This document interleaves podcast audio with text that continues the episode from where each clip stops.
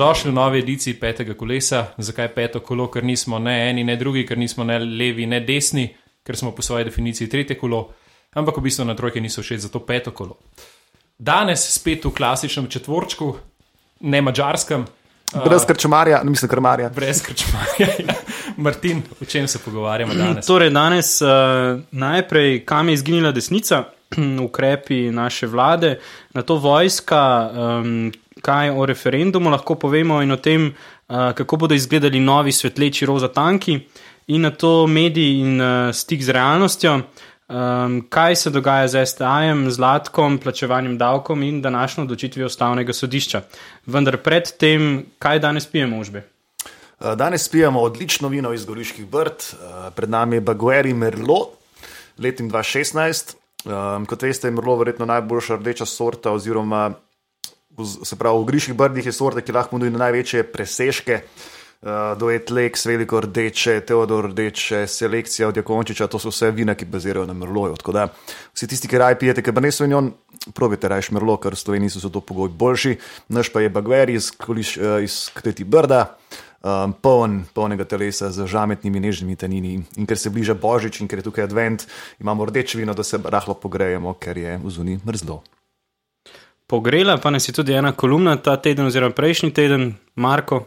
No. Mogoče sem to dodal, ne. če bi imel več denarja, bi verjetno to prebral en Lotrič ali pa Jure Longika, ampak ne bo tudi balažic. No. Juri Savček. Ja. Pa, Juri Savček ja, pa, pa ne vem, če bi rekel, da nas je ravno kolumna pogrela, mogoče dala neko zanimivo izhodišče.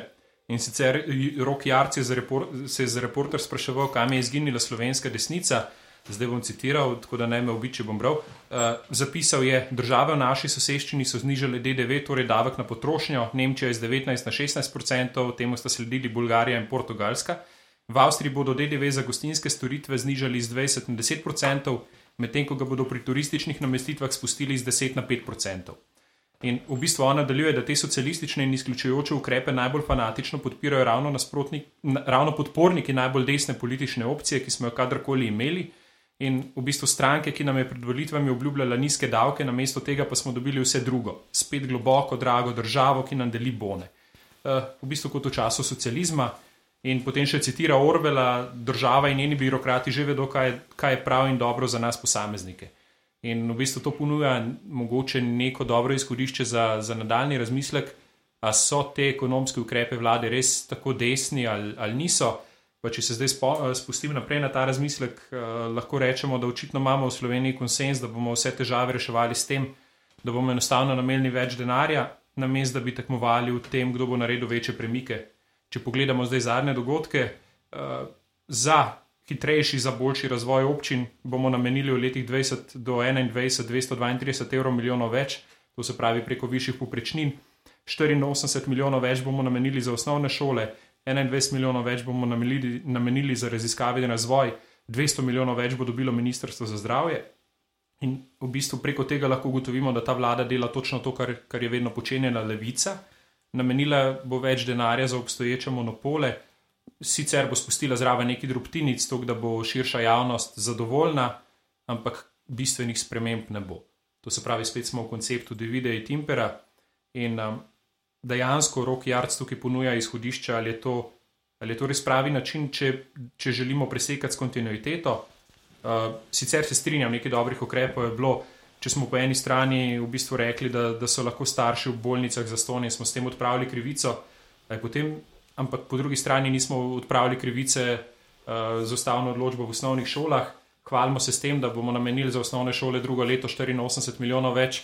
Uh, uresničitev ustavne odločbe bi, bi nas postala v najbolj razkošni obliki 360 tisoč evrov, uh, popolnoma enako je z vrci, to, kar zdaj dela Jankovič, recimo v mestni občini Ljubljana, uh, kjer uh, vsi, ki so upravičeni do 85% kritja stroškov na otroka v zasebnih vrtcih, so mogli zelo rigorozno dokazovati, zakaj morajo njihovi otroci v vrtec, medtem ko so vsi v javni vrtci praktično ostali odprti. Ne?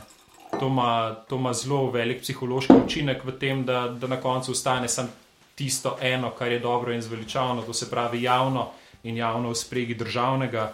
In praktično za take poteze se Jankovič ni bil edini, ampak za take poteze so občine nagrajene z 232 milijoni več, pa še s čim, hkrati pa še vedno lupijo. Uh, podobno zdravstven sistem. Če damo 200 milijonov več za, za zdravstveno zavarovalnico, oziroma Ministrstvo za zdravje, ki bo to namenilo zdravstveni zavarovalnici, hkrati pa se ne pogovarjamo o glavarinah ali pa o količnikih, to pomeni, da bo ta denar šel praktično isto v nič. Nismo naredili nič, še zmeraj nam bo, še zmeraj nam bo propadel primarni sektor uh, zdravstvenega varstva in tako naprej. Uh, tudi ta zadnji eklatantni primer uh, javnega razpisa za en dan za 2,5 milijona evrov za, za hitre teste, uh, ne vem, med epidemijo, vsak je kadarkoli rihtal na, na notarki ali pa kjer druge, kakšne druge zadeve, lahko ve, da v enem dnevu težko karkoli zrihtaš, uh, kaj šele v enem tednu. Uh, tukaj imamo razpis za 2,5 milijona evrov v enem dnevu. Um, podobno pri 21 milijonih evrih za raziskave, ministrstvo za šolstvo poriva praktično naprej identičen pikalov zakon. Uh, pra, uh, praksa tega zakona je pa taka, da ti sicer nameniš več denarja za raziskave in razvoj, po drugi strani pa ta pravila toliko zamoriš in toliko otežiš, uh, kar pomeni, da se na, na te razpise ne bodo mogli več pri, prijavljati samostojni raziskovalci ali pa zasebne raziskovalne inštitucije, kar je spet v bistvu metanje denarja v, v zasebne monopole. Zraven prek akreditacij ukin, hočeš ukinčiti novo univerzo, tako da spet zasebna pobuda, super.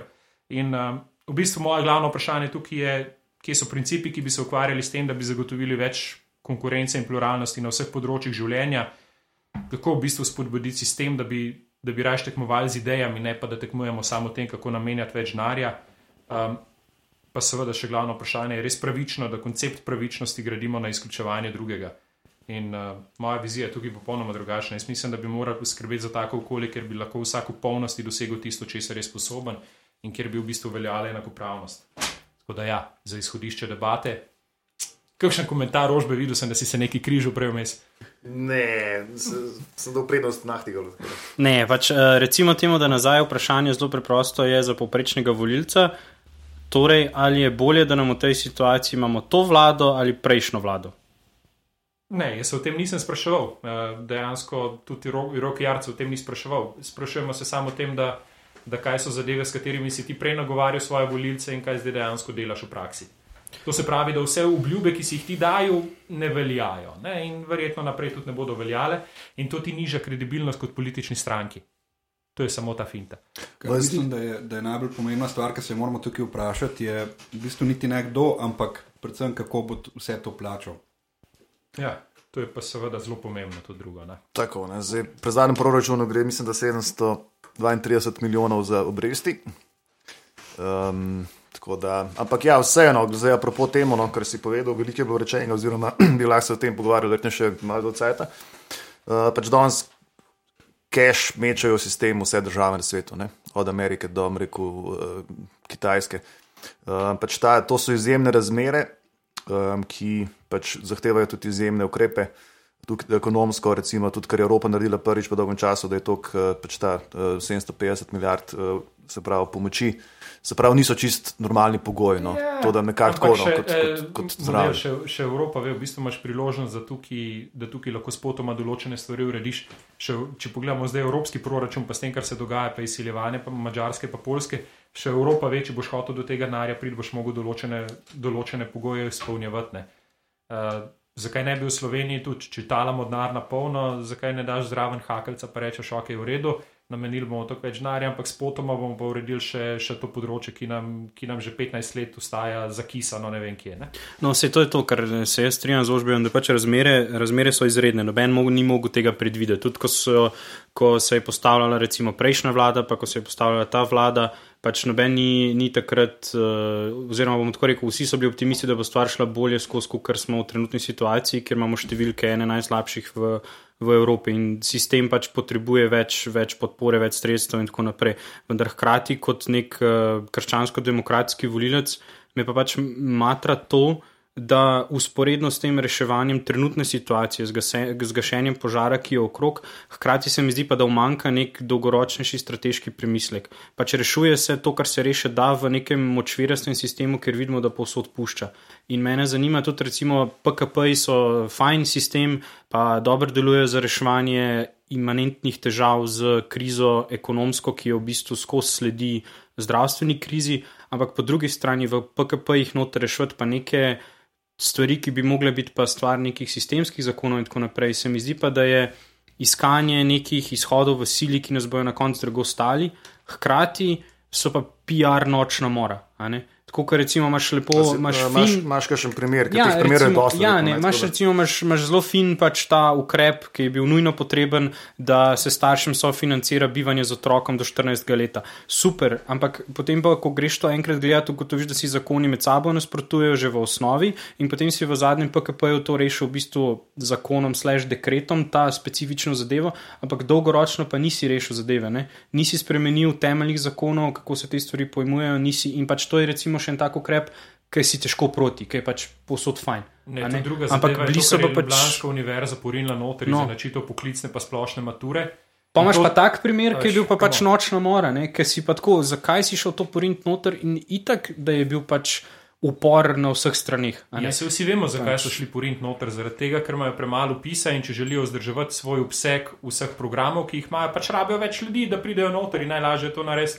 Najlažje si je povpraševanje zvišati s tem, da pač izenačiš poklicno maturo in ti prideš več. Vem, ampak tudi če hočeš iti v to smer, pa ne da se strinjam s to smerjo, ker se ne, Seveda ampak se ne. moraš pač, bi mogel spremenjati sistemske zakone, ne če grdo rečem, podvaliti nekaj noter v PKP Mislim, in to da bilo- bo to bilo že od ne. prvega PKP naprej. Ne. Takrat se je začelo z, z okoljem, pa z jezikom, pa to. Se pravi, vedno so neki členi noter, ki nimajo zveze z reševanjem krize. Ne. No, sej, in to te pač, če mene vprašaš, z PR vidika dolgoročno tepe. Ne. Dej, raj, dej pol pa ne, leta verjetno ne- mir, pa niti dej ne samo pač PR vidika, verjetno tudi iz nekega demokratičnega procesa in, in, in Demokratičen tega, proces je, sej zakon ni sprejet mimo parlamenta, sej to ni zdaj nek dekret. Sej Ne, trajnostno. demokratičen proces je, ampak sistemske rešitve, ki si jih prej zagovarjal, zdaj za njih pač z krizo verjamem, da imaš manj časa, ne verjamem pa, da je popolnoma neizvedljivo nekatere sistemske stvari pač spremeniti. ne. Ne, pa trajnostni vidiki so tukaj, veš, se to je vprašanje. ne. A je, a je res, če ti ad hoc tako rešiš neko zadevo, je to res trajnostno, ali bi šel reči reševati neke stvari, ki so vmes. Tudi verjetno je fajn razmisliti da z ne vem, milijonom, ki sem ga v nekaj vložil za blaženje te krize, um, dejansko ustvarjam ne vem, v budučnosti 2-3 milijone, ali pa samo jih vržem stran, v bistvu jih na nek način skuram. Uh, Medtem ko bojo pač delovna mesta, v katera zdaj v njihovo ohranjanje vlagam, uh, sama po sebi propadla, čez 2-3 leta, ko bo zmanjkalo teh uh, um, nadomestil ali ne. ne. Se pravi, ustvarjamo neka zombi podjetja, zombi delovna mesta, čim za zombi ima pa Janša že dobre izkušnje. Ne. No, pa tudi na drugi strani, ko smo glih pri zombijih, da se ne zadržimo preveč na tej debati. Martin, če se ne motim, si napovedal STA zlatkota in, in je nula. Tam bomo še prišli v stik eh, z mediji, stikom z realnostjo in uh, kaj slišimo in kaj vemo, vendar najprej uh, vojska, uh, kar se tiče tudi financ. Menda bomo kupovali uh, tanke, se sliši po naslovnicah, menda bomo vlagali silne milijone v nekaj, kar ne potrebujemo, ožbe.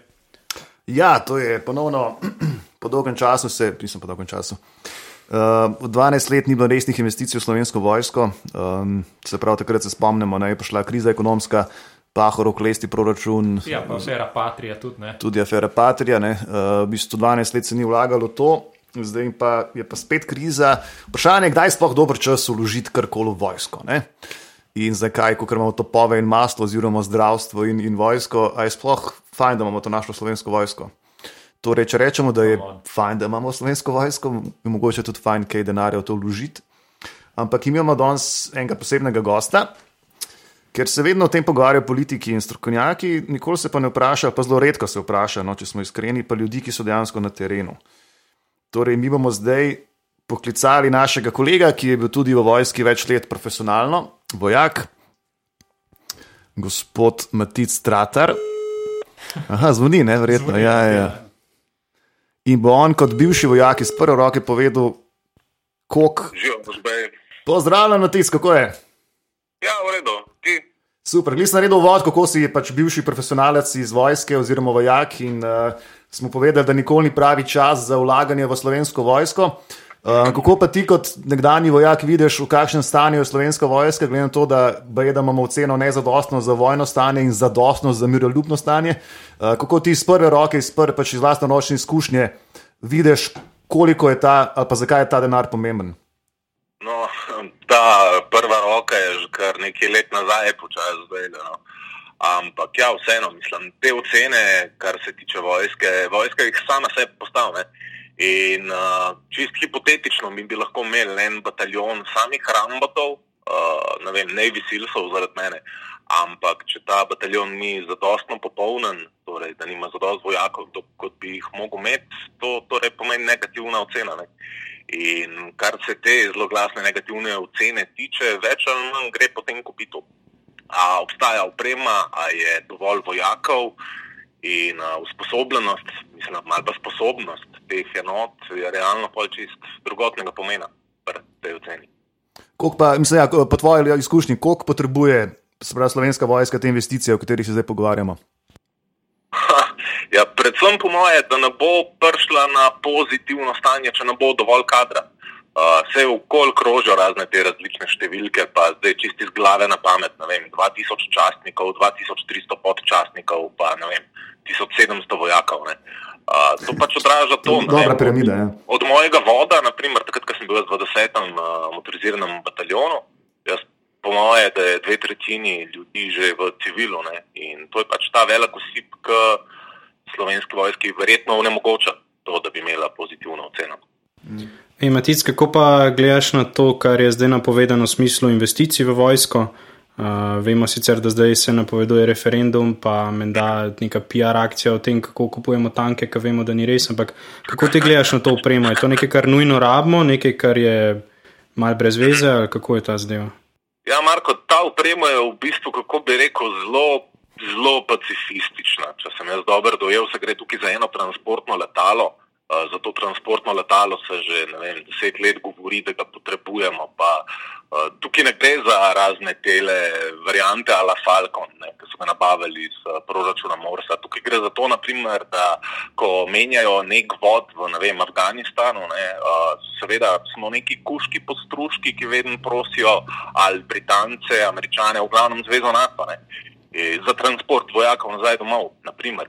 In potem seveda ni lepšega, kot da to, da vojaki na misiji izvejo, da bojo v bistvu odšli domov dva tedna kasneje, samo zaradi tega, ker so skenirali transport, oziroma tega transporta ni. Uh, naprimer, kaj je še ostalo? Dva transportna helikopterja, ne? to niso bojni helikopterji, verjetno gre za ta Eurocopter, ta Kugar, ki ga že zdaj imamo. Uh, kaj je še naprej? Vem, dva radarja bojo posodobili, neke infrastrukture.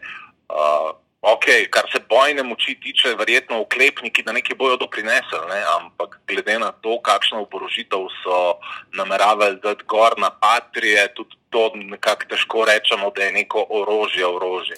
Tako da, ja, kot je rekel, ti si prej šel videti. Glavaš, to so pač investicije, ki smo jih zadnjih deset let uh, pozabili.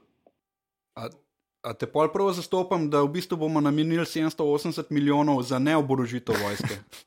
Ja, pa vse so stvari, ki jih rabijo. Uh, infrastruktura, potem naprimer govorijo o neki programski opremi za elektronsko bojevanje, če sem jaz prav razumel, in vse ostalo. Tudi te oklepniki ne, so v bistvu za misije nuja. 8x8, pa 4x4. Za, za etnične Ampak, čiščenje. Ne? Ja, to pustimo. To, to je brez veze sploh komentirati. S tem upravljam, da samozavestna vojska se ob. Uh, takih izjavah samo obrne pa nasmehne.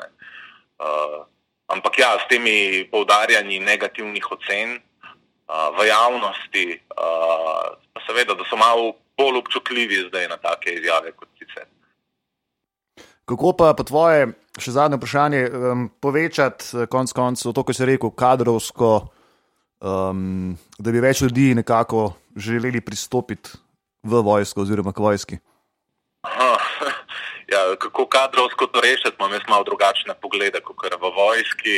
Mislim, da kadrovska služba v vojski bi, jaz bi jih postavil, okay, ne predzidno, jaz bi jih postavil v A pozicijo, po vsakmu tisoč skletov naročil, oziroma tok sklet, da ne bi mogli hoditi več normalno z uh, stegnjenimi rokami na okolje, zaradi tega, ker mislim, da delajo baterije, čisto domače. In bodimo iskreni, vojska tudi ima notranje rezerve kar se marsikaj tiče, kadrovska služba je sigurno ena izmed teh.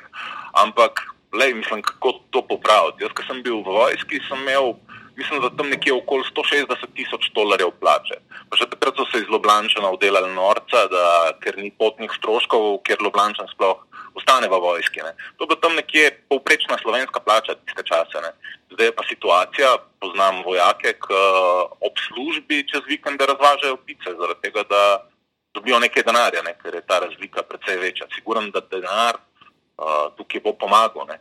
Uh, ni, ni pa tudi to vse. Mislim, vojska deluje na trgu, uh, se na trgu uh, bori za kadre in bo mogla pač stopiti v korak s časom, da uh, bo mogla za te vojake tudi poskrbeti. Ne. Naprimer, to z tem, da jim bojo najdel neko službo po 45 letu, je že nek začetek, za katerega čisti iskreno mi ni jasno, kako da niso uspeli izvesti že deset let nazaj. K, mislim, je to čisto kot primer je bedarija. Ne. Mlade 20-letne fante na višku fizične moči so dajali na razne kapije, pa straže, pa kot voznike. Ne. Zaradi tega, da je bil marsikdo pri 40 letih v na, v pehoti na pol invalid in potem se ne čuditi kadrovskemu usipu. Matic, najlepša hvala, hvala za, iz, za super odgovore in za ta, um, rekel, insiderski pogled. Tako da vse dobro, pa, pa se slišmo. Ne? Se slišmo. Hvala ti. Hvala, hvala čau. Hvala, čau. Čau. No, se dejansko, da ne bo zdaj prevelike pauze. Matic nam je dal tukaj kar nekaj zelo zanimivih izhodišč. Um, v bistvu po eni strani vojska se bori na trgu za nove kadre in s tem, ko podarjamo negativne ocene, delamo praktično medvedjo uslugo. Tega bi se lahko zavedal tudi naš vrhovni poveljnik uh, slovenske vojske, predsednik. Um, mogoče ja, tukaj neke poteze so očitno pozitivne, nekaj se da, ampak eh, teh 780 milijonov ali v kakih cifrah govorimo. V šestih letih, ne? V šestih zdaj, letih. ja. Več kot očitno ne bo šlo v to, da bomo kupili tri tanke, pa šli gaziti po Afganistanu z njimi. Ne. No, Poleg tega še to, mislim, da se prav omenja tudi to, da smo mi del enega zavezništva, ne, ki ima tudi določene pogoje, um, določene zahteve in zaveze.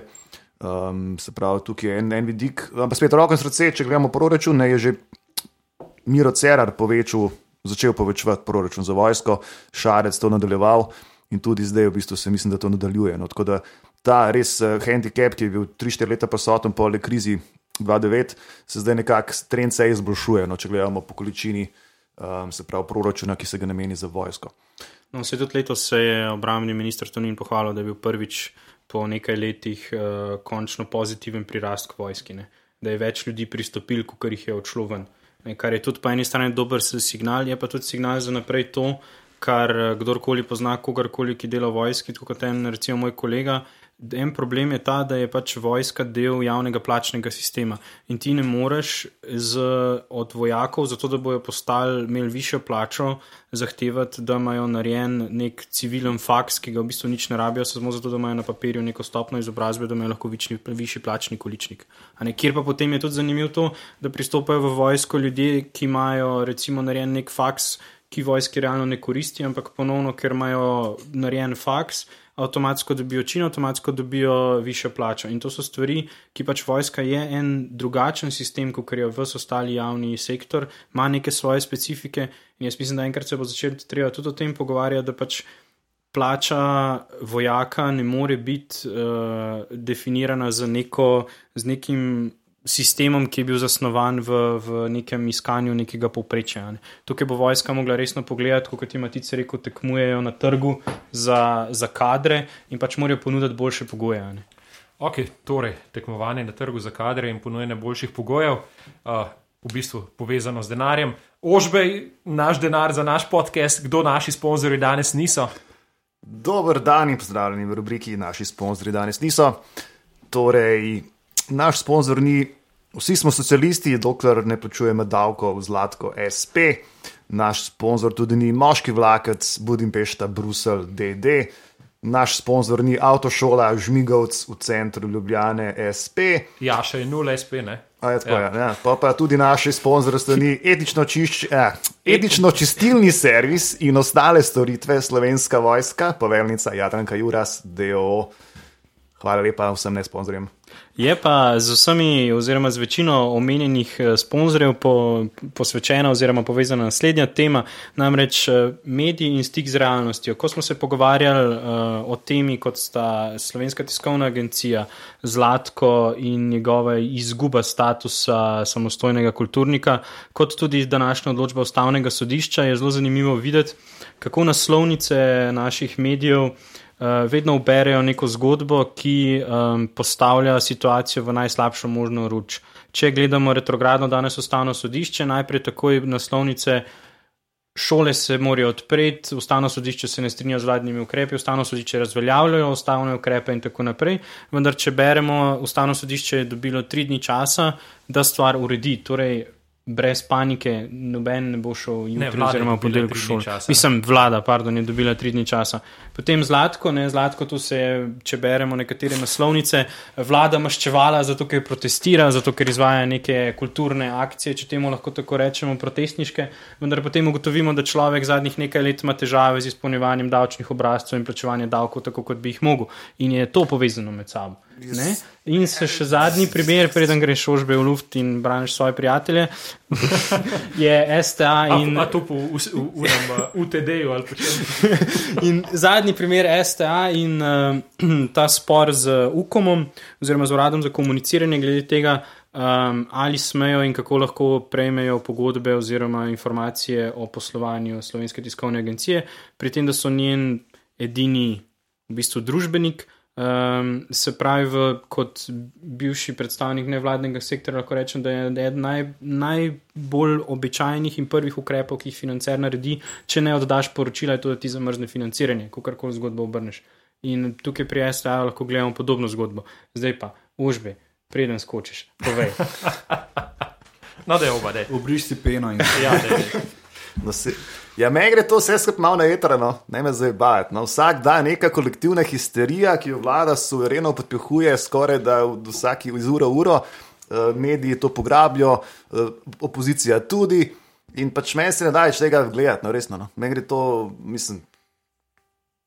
Zakaj? Mislim, mislim ti si zdaj braniš, braniš vlado, kot da je v bistvu ok, da je pač, da je pač zlatko zgubil smešno, da ravno dva tedna, oziroma en teden potem, ko je nadaljeval kreka status. Prej pa niso vedeli, da ima on zraven še firmo, ki že štiri leta služi posebej.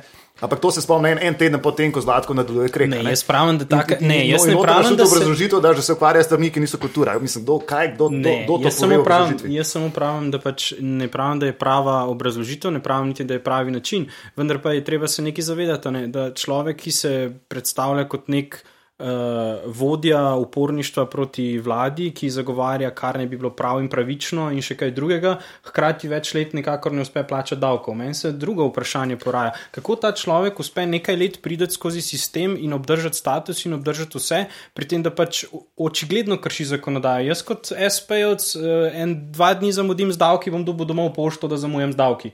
Mislim, halo. Ja, zato, ker pač... imaš digitalizacijo v Sloveniji, kakršna koli pač je, ker vsako ministrstvo servisira drug področje ponudnik in kjer pač pustimo, kako pridejo zraven. In te baze enostavno niso kompatibilne med sabo. In Ministrstvo za kulturo ne pridobi baz od Fursa, oziroma ne sodelujejo skupaj, da bi lahko oni podeljuje te, te odločbe v bistvu ocenili. Pa videli, kar koli je. Čeprav učitno se da. Jaz, kot oče treh otrok, lahko povem, če se prijavljam za, na Centru za socialno delo. Najboljše finančno poročilo, ki ga dobim v mojem stanju, je poročilo Centra za socialno delo, ko odloča o znižanju plačilu vrca ali pa otroških dodatkih.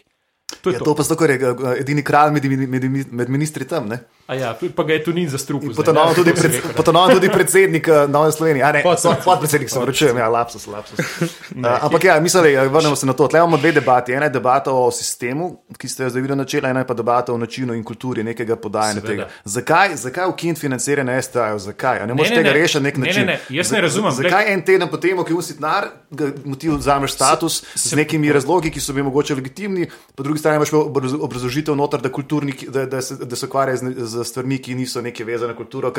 Komu ima pravica država reči, da kot stari, ti pa prostem času še šest narobne stvari. Jaz se popolnoma strinjam s tabo. Jaz bi tudi koga vsekel, zakaj za vraga.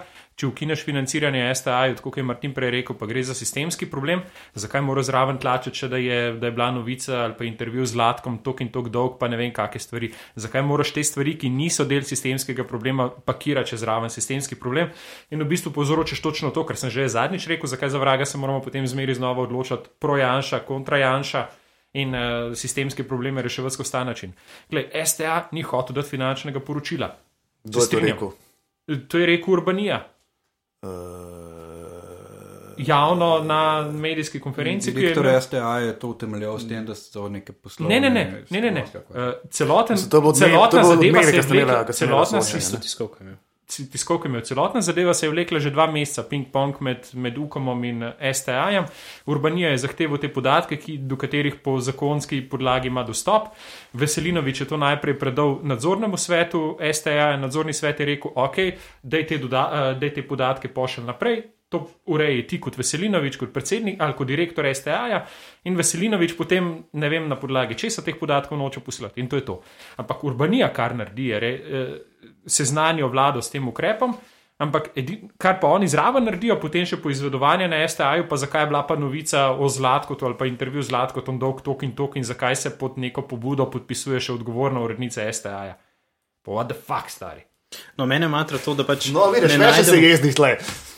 Lej, jaz, jaz ločujem težavo, ki se je reče strateški PR, kjer je to mimo strelj na mimo strelj in strelo koleno in laufanje maratona. Ampak to je sistem, tako kot pač komunikacija večinskega dela te vlade funkcionira in tako deluje, in tukaj ne boš nekega preboja naredil. Kot Ne, državljana, ali, kot državljana in kot voljivca me zanima pa ena, hkrati me zanimajo dve stvari. Prva stvar je to, da ali bo ta vlada ali katerakoli druga uredila te v bistvu državne, sistemske, monopolistične dvoživke, take kot ja. je STA, ker STA je v bistvu privatni DO, ki je hkrati poverjeno države in financirano države za določene stvari, hkrati se lahko ukvarja na trgu z dejavnostmi. Uh, kjer v bistvu je spet delno monopolist, ker mu noben ne more konkurirati, katera institucija ali pa kjer privatna firma je pa sposobna naenkrat financirati več deset novinarjev, zato da bojo pokrivali stvari. Prosti, da ti vskočim, povej raje to, da imajo oni poslovni model ta, da vlada naroči določene strateške No. no. novice, pokrivanje tega, kar itak državljani že plačamo skozi naše davke, in potem oni te iste zadeve prodajo še enkrat naprej. Še enkrat ne samo naprej, ampak še enkrat nazaj določenim ministrstvom Come pod on. pretvezo, da jim nudijo neko posebno uslugo. A Ne, to so te vprašljive poslovne prakse, ki jih enkrat treba pregledati in enkrat ugotoviti, pa reči, Bob, Bob, ok, če je to javni servis, potem ne bo zavezan javnemu poročilu, računskemu sodišču in vsem tem zadevam, ker jaz kot davkoplačevalec to plačujem. Če so privat firma, če so izključno tekmujejo na trgu za, za vsakokratno državno pogodbo, tako kot so recimo zdaj tekmovali za pogodbo o fotografiranju uh, predsedovanja Evrope, uh, pa vsi vemo, da jim agen noben ne more konkurirati, a ne? Ampak vseeno, če je temu tako, potem tudi vsakokratna vlada ni zavezana dati. STA-ju pogodbe o določenih stvareh. Bomo pač zbrali na drugo agencijo, ki je sposobna ravno tako to dobro delati. Hkrati se pa s tabo strinjam, Ožbej, da kot recimo v narekovajih podpornik te vlade ali pa nekdo, ki si želi, da bi krščansko-demokratska, slash sredinsko desna opcija bila dalj časa na vladi, me pa dokaj upravičeno se mi zdi, da jezi ta stil komunikacije, ki izvaja nekaj prepričane. Prepričane Pardon. dodatno prepričuje, da reveži padajo iz stola, ali pa pač eh, in hkrati odriva stran ljudi, ki se reče, ok, se ta ukrep je dober, ali pa ta ukrep bo naredil nekaj dobrega, hkrati me pa stil komuniciranja odriva stran od tega, da bi se stoprocentno poistovetil z to stranko, opcijo, vlado, idejo, kakorkoli.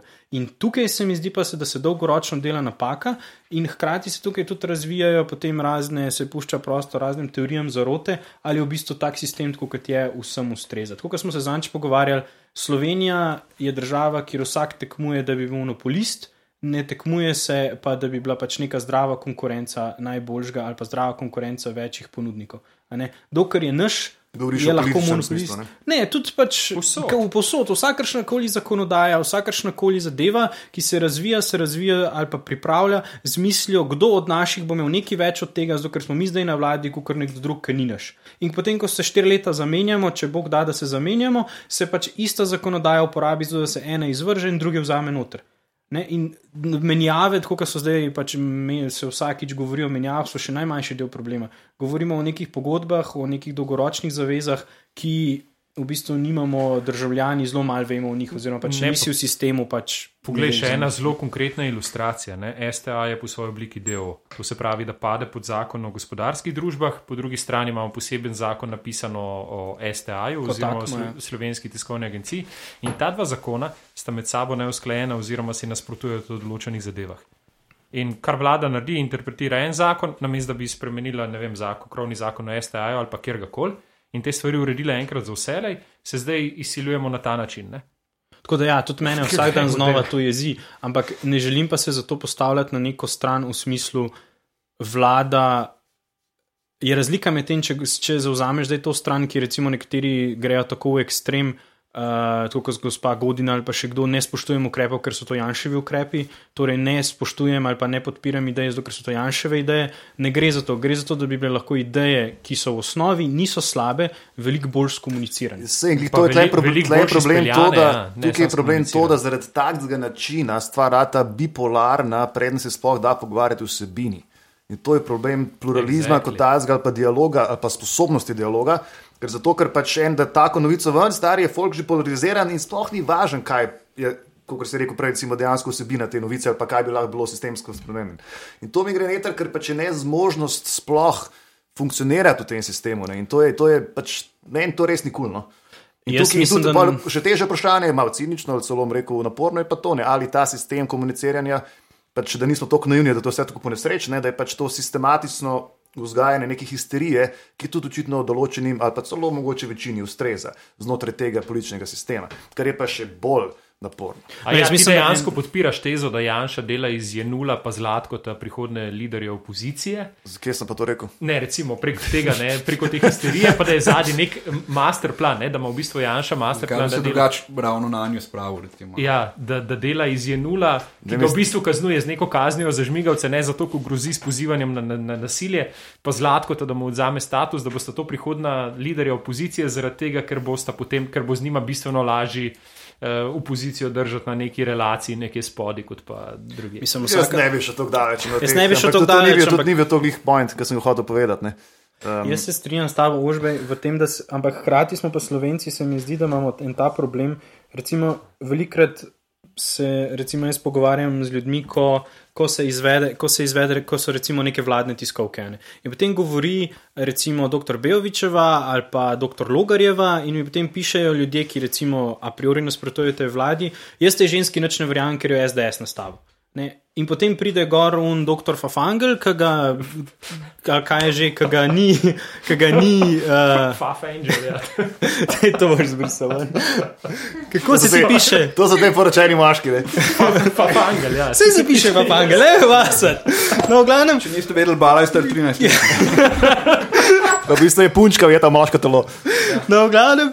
In, in reče, on je pa super, njega pa ni vlada nastavila, njega pa ni ne vem kaj. Ampak vsi ti ljudje so podobno, ne, ne upam si trditi enako, ampak podobno strokovnjaki na nekem področju in o njem razlagajo strokovnega vidika. In zdaj avtomatsko, zato ker ti je dala službo to vlada ali pa zato ker te je imenovala v, to, v neko skupino, ki hkrati noben teh ljudi ne vpraša v bistvu. A si ful želiš biti v tej skupini, ali pač potom sile, ker si pač edini, ali pa ker imaš neko funkcijo v, v zdravstvu, moraš biti v tej skupini, si zdaj prisiljen imeti neko tiskovko in ne razlagati. Ne? In ti ljudje rečejo, jaz temu folku ne verjamem, ker pač jih je nastavila vlada, temu pa verjamem, ker mu vlada, vlada ga ni nastavila. Ampak govorijo pa približno isti šmoren stvari. Ne? Ja, to je to je ta, to je ta mentalna zaprtost, ki se ti zgodi, da te kdaj kdo z leve vpraša, hej. Ti si kao desen, ne, pa vemo, da nisi pač kao zarukan. Da je razloži mi, ali je bila ta stvar res tako grozno povedala, povedana, kot sem jaz to dojel.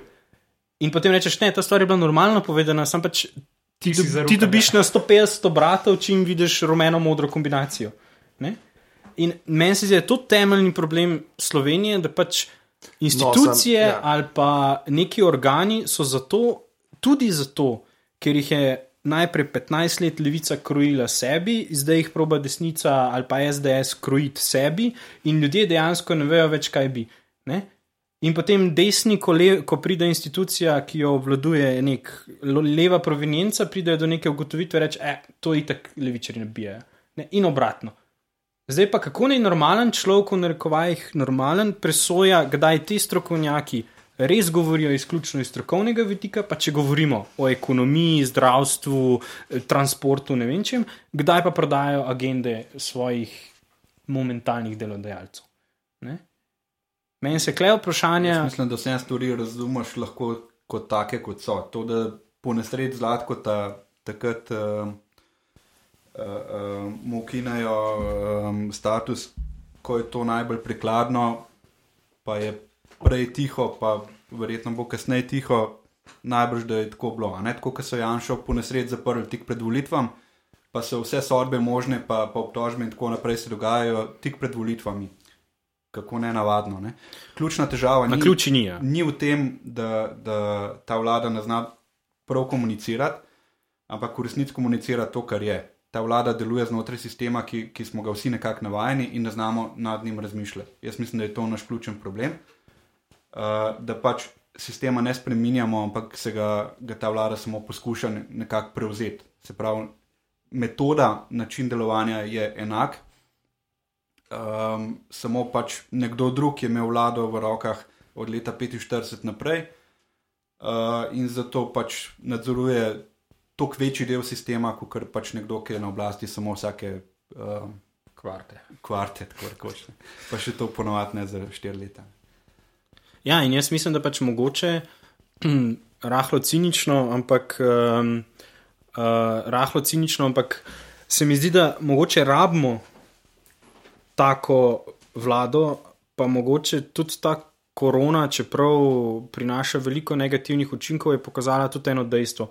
To, da naša država glih za glih komaj funkcionira, ko so pogoji idealni. Ne? Čim se nam je nekaj zaštekalo, ugotoviš, da ta ladja, ki se reče Slovenija, pušča na vseh koncih in krajih. Ne? In enkrat se moramo začeti pogovarjati o tem, kako te stvari, če je v interesu, sploh če nadaljujemo zraven v predpostavki, da ne velja teorija zarote o dogovorjenem statusu quo. Um, Kako te stvari sistemsko urediti? Jaz se strinjam z Boštjanom, ki je rekel: Mi bomo vrgli, ne vem, 200 milijonov dodatnih v zdravstvo, to bo poniknilo neznano kam. Ne?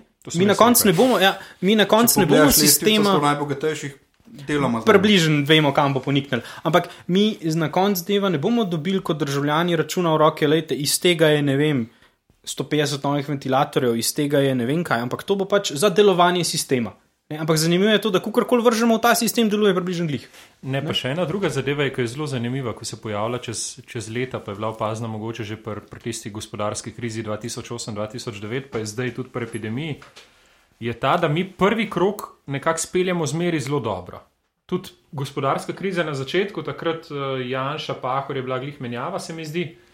Ni bilo tako, so nas kar hvalili, je bilo kar v redu, potem pa, ko useka na močno, Kaj, mi smo najslabši krizo spravili v celem potem, potem kasneje, v drugem Mogoče smo čez pet let smo banke dokapitalizirali, ko so jih Nemci pa pol leta po krizi stari. no. Čez pet let zaradi tega, v- Ker jih no- Danci prej so pa ne. že dve leti, ja, ki jih noben prej ni. Ne, Ne. pa ne moreš reči, da smo imeli dober začetek krize, ne. Sam to je isto, kot zdaj pri epidemiji. Če gledaš, prvi, kro, prvo, prvi val epidemije speljamo vrhunsko, drugi val epidemije imamo največ smrtnih žrtev v Evropi. Ne? No, vem, sem pri tej epidemiji se moramo tudi vprašati, da smo imeli v prvem krogu pač malo sreče, pa malo so se stvari poklopile. Uh, zdaj pa pač imamo problem s tem, da ljudje dobesedno ne upoštevajo ukrepov. Delno zaradi političnih predpostavk, delno pa zaradi tega, da pač Ne, uh, mislim, da lahko precej jasno rečemo, da v prvem krogu je, je vlada ukrepe izvajala pravočasno in, in ja. uh, ustrezno, se pravi, sorazmerno stanju, medtem ko tokrat jih od poletja naprej ni. Se pravi, vem, vlada ampak- zamudila. Nekaj tednov, ne? No, ampak če se stvar toliko časa vleče, pa eni ukrepi že veljajo, ker bi cikli epidemije se mogli prekiniti, pa se nikakor ne. Pač vlada hkrati to pomeni, da pač teže ukrepe uvesti, bolj, bolj jasno jih nadzirati. a Ne, Ne? pa kaj ti pa še ostane, to da te veš, zašvasa stanovanja? Ne, ne, Ne, jaz pač tukaj- recimo nekaj Večno, pred. večno imamo tukaj ukrep, ki se mu reče, da, da um, je kaznivo dejanje, če nekoga umoriš. a Ne? Ampak um, če vlada ne bi ukrepala zaradi umorov, bi se umori lahko dogajali. Ne? Recimo civilnega prebivalstva, ki je na Kosovo. Uh, in A ja, pa slovenski vojaki zraven. ja. pač, ker, ker načeloma imamo sistem, kjer ukrepamo, kadar umori so, so ti relativno omejeni. Ker pa vlada ni ukrepala tako, kot bi pač morala, če mi, mi ne, ne upoštevamo ukrepov, pač sorry, bomo mogli te ukrepe jih Ne, samo pa Čeprav zelo mene, ma, mene, ne. mene matra to, nažalost na ali pa na srečo ne moremo pač časa nazaj zavrteti, pa še enkrat probati. Ampak recimo zanimivo mi je bilo, ker RTV naredil oddajo Slovenci po svetu, kako v drugih državah upoštevajo ukrepe. In potem ti Slovenci na finskem se mi zdi razlaga, ja, drža, je dala država zgolj priporočilo, da so maske fine, ne, da je to fajn nositi, vsi nosijo maske. Ne? Pri nas bi mogel kaj, policaj hoditi naokrog in ljudem na, Lej, na nos natikati maske, da se bodo tega držali. Si imel take lockdowne, da pač nisi mogel z nosom pogledati čez vrata. Ne, ne sem, to je pa druga zadeva. Nas tega nikoli ni bilo, nažalost. To je pa druga zadeva, ki sem jo hotel povedati, pa ne mogoče toliko v ukrepih, ampak dogaja se tudi pri strateškem komuniciranju, kot da bi ta vlada zmeri znova pozabljala, v kako, v kako vlogo se mora podarjati, sploh če poznamo nek tipičen slovenski karakter, ta slovenski egalitarni sindrom, kjer smo v bistvu begajoči, anksiozni, eh, nestoječi na svojih nogah in zmeri se bomo najprej zauzeli to stališče, da se bomo postavili v vlogo žrtve naproti avtoriteti, eh, slavili bomo tiste, ki so uporniki proti sistemu in kar vlada v bistvu naredi, komunicira te ukrepe zelo avtoritarno. Ne? Um, oziroma, zelo z tega, z vidika, ne avtoritarno, ampak z vidika avtoritete. In to pri slovencih nikoli ni bilo dobro pisano. Uh, tako da mogoče tukaj malo več empatije. Kaj še vsega? Ja, zdaj morate pa to, pa to, pa to, in ljudje bodo protestirali. Ne? In potem jih na, na mesto, da bi še empatijo tukaj vklapljal, potem delaš razne STA-je in zlatko te in jih še ljudi pri tem svojem prepričanju podožigaš naprej. Ne? Pa pustimo potrče, pa podobne pr, pr strani. Ampak ja, ta vloga žrtve, ta konstantna vloga žrtve v Sloveniji, na mesto, da bi prevzeli odgovornost, pa stopili na noge, dragi ljubčki, nam včeraj, zdaj le po podatkih, je v četrtek je umrlo 61 ljudi nam vsak dan, že zadnji mesec, umre en avtobus ljudi in mi se obnašamo kako.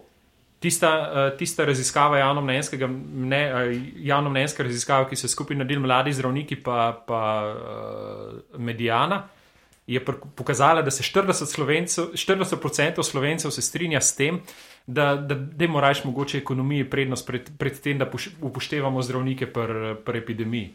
Pa kaj ste normalni, stari 50 ljudi na dan umre. Sorry, zdaj sem malo zamoril debato, ampak uh, veš, to, to je ta zadeva. Ne? Zakaj vlogo žrtve, zakaj upornika v sistemu iskati, pa ne odgovornosti prevzeti, pa, pa to speljati. Jaz bi tudi reč videl, se strinjam, ukrepi so slabo skomunicirani, predvsem so pa nedoločeni. Mi nimamo predvidljivosti v teh ukrepih. Če bi vlada rekla, ok, zdaj bomo zaprli celo državo dvakrat na leto ali pa trikrat na leto za dva ali pa tri tedne, če pomoliš nos skozi vrata, te bo policist usekal po tem nosu, ali pa če si, boš dal, če si boš dal masko pod nos, ne? Ampak to je to, dva, tri tedne boste počakali, ukrivili bomo ali sploščili bomo krivuljo, zaprti bomo in vsi bomo srečni, to bomo financirali in to je to. Zdaj pa kar se nam dogaja, je pa, da so neki nedoločeni ukrepi, um, ljudje jih kršijo, vsi vimo, vsi so postriženi po zadnji modi, to pomeni, da frizeri hodijo domov, pejte na rožnik ali pa pejte na šmarno gor, pa boste videli, kaj se dogaja. Noben se tega resno ne drži vlada tega resno ne implementira, hkrati pa po drugi strani vlada daje ta občutek, da, da se ukrepi samo podaljšujejo. Ne? Jaz kot starš otrok, šolajočiš doma, imamo šolo nadaljavo, zdaj že ne vem, kjer tretji, četrti teden. In vse, kar jaz slišim od vlade, je, ja, pa mogoče še en teden bomo to podaljšali, pa še en teden bomo to podaljšali, pa še en teden bomo to podaljšali. Pustimo, da gre to že meni, mogoče malo na živce kdaj, pa, pa zelo rad preživljam čas s svojimi otroci, pa vse, ampak je pač dodatna obveznost, s katero se moraš ukvarjati. Mogoče povedati, če ga bojo poslušali. Ja, pa ne jaz, predvsem moja žena, ampak uh, to je ta varianta. Ne?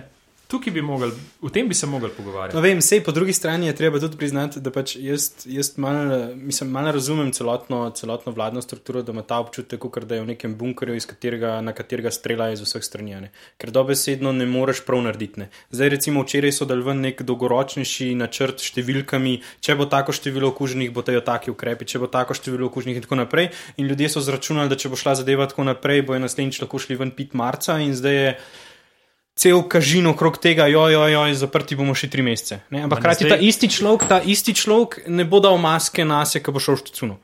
Mene samo to matra. Zato, ker s tem je izvaja državljansko nepokorščino. Ne? In več.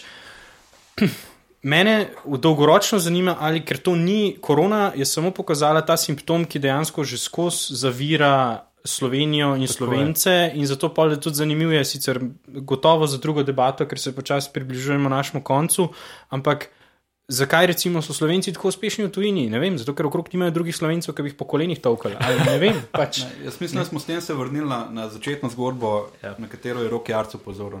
Nam manjka temeljnih premislekov oziroma delovanja na podlagi temeljnih premislekov. Mi smo se s tem nekoč ukvarjali, danes se pa v bistvu ne več, samo še v obstoječem sistemu iščemo neke uh, hitne rešitve. V bistvu, ne. Ker je zdaj ožbe zadnjih pet minut uh, modro tiho, mu dajemo še zaključno besedo, ker se približujemo naši. Mislim, da 40 minut, če mi prav ura kaže. Ja, pa da še prej skočim, to je podcast Peto kolo. Lahko nas poslušate povsod, zdaj smo te stvari uredili, smo na Google podcastih, na Anchorju, na ne vem, kje vse, tako da poklikite in poslušate. Ožbej. Kdor moči, tisočim govori. Obje se všti dal cepet, ko bo na voljo. Hvala, da ste nas poslušali s tem neodgovorjenim vprašanjem. Imamo istočico za naslednjič in uh, se vidimo čez 14 dni v podkastu Peto kolo.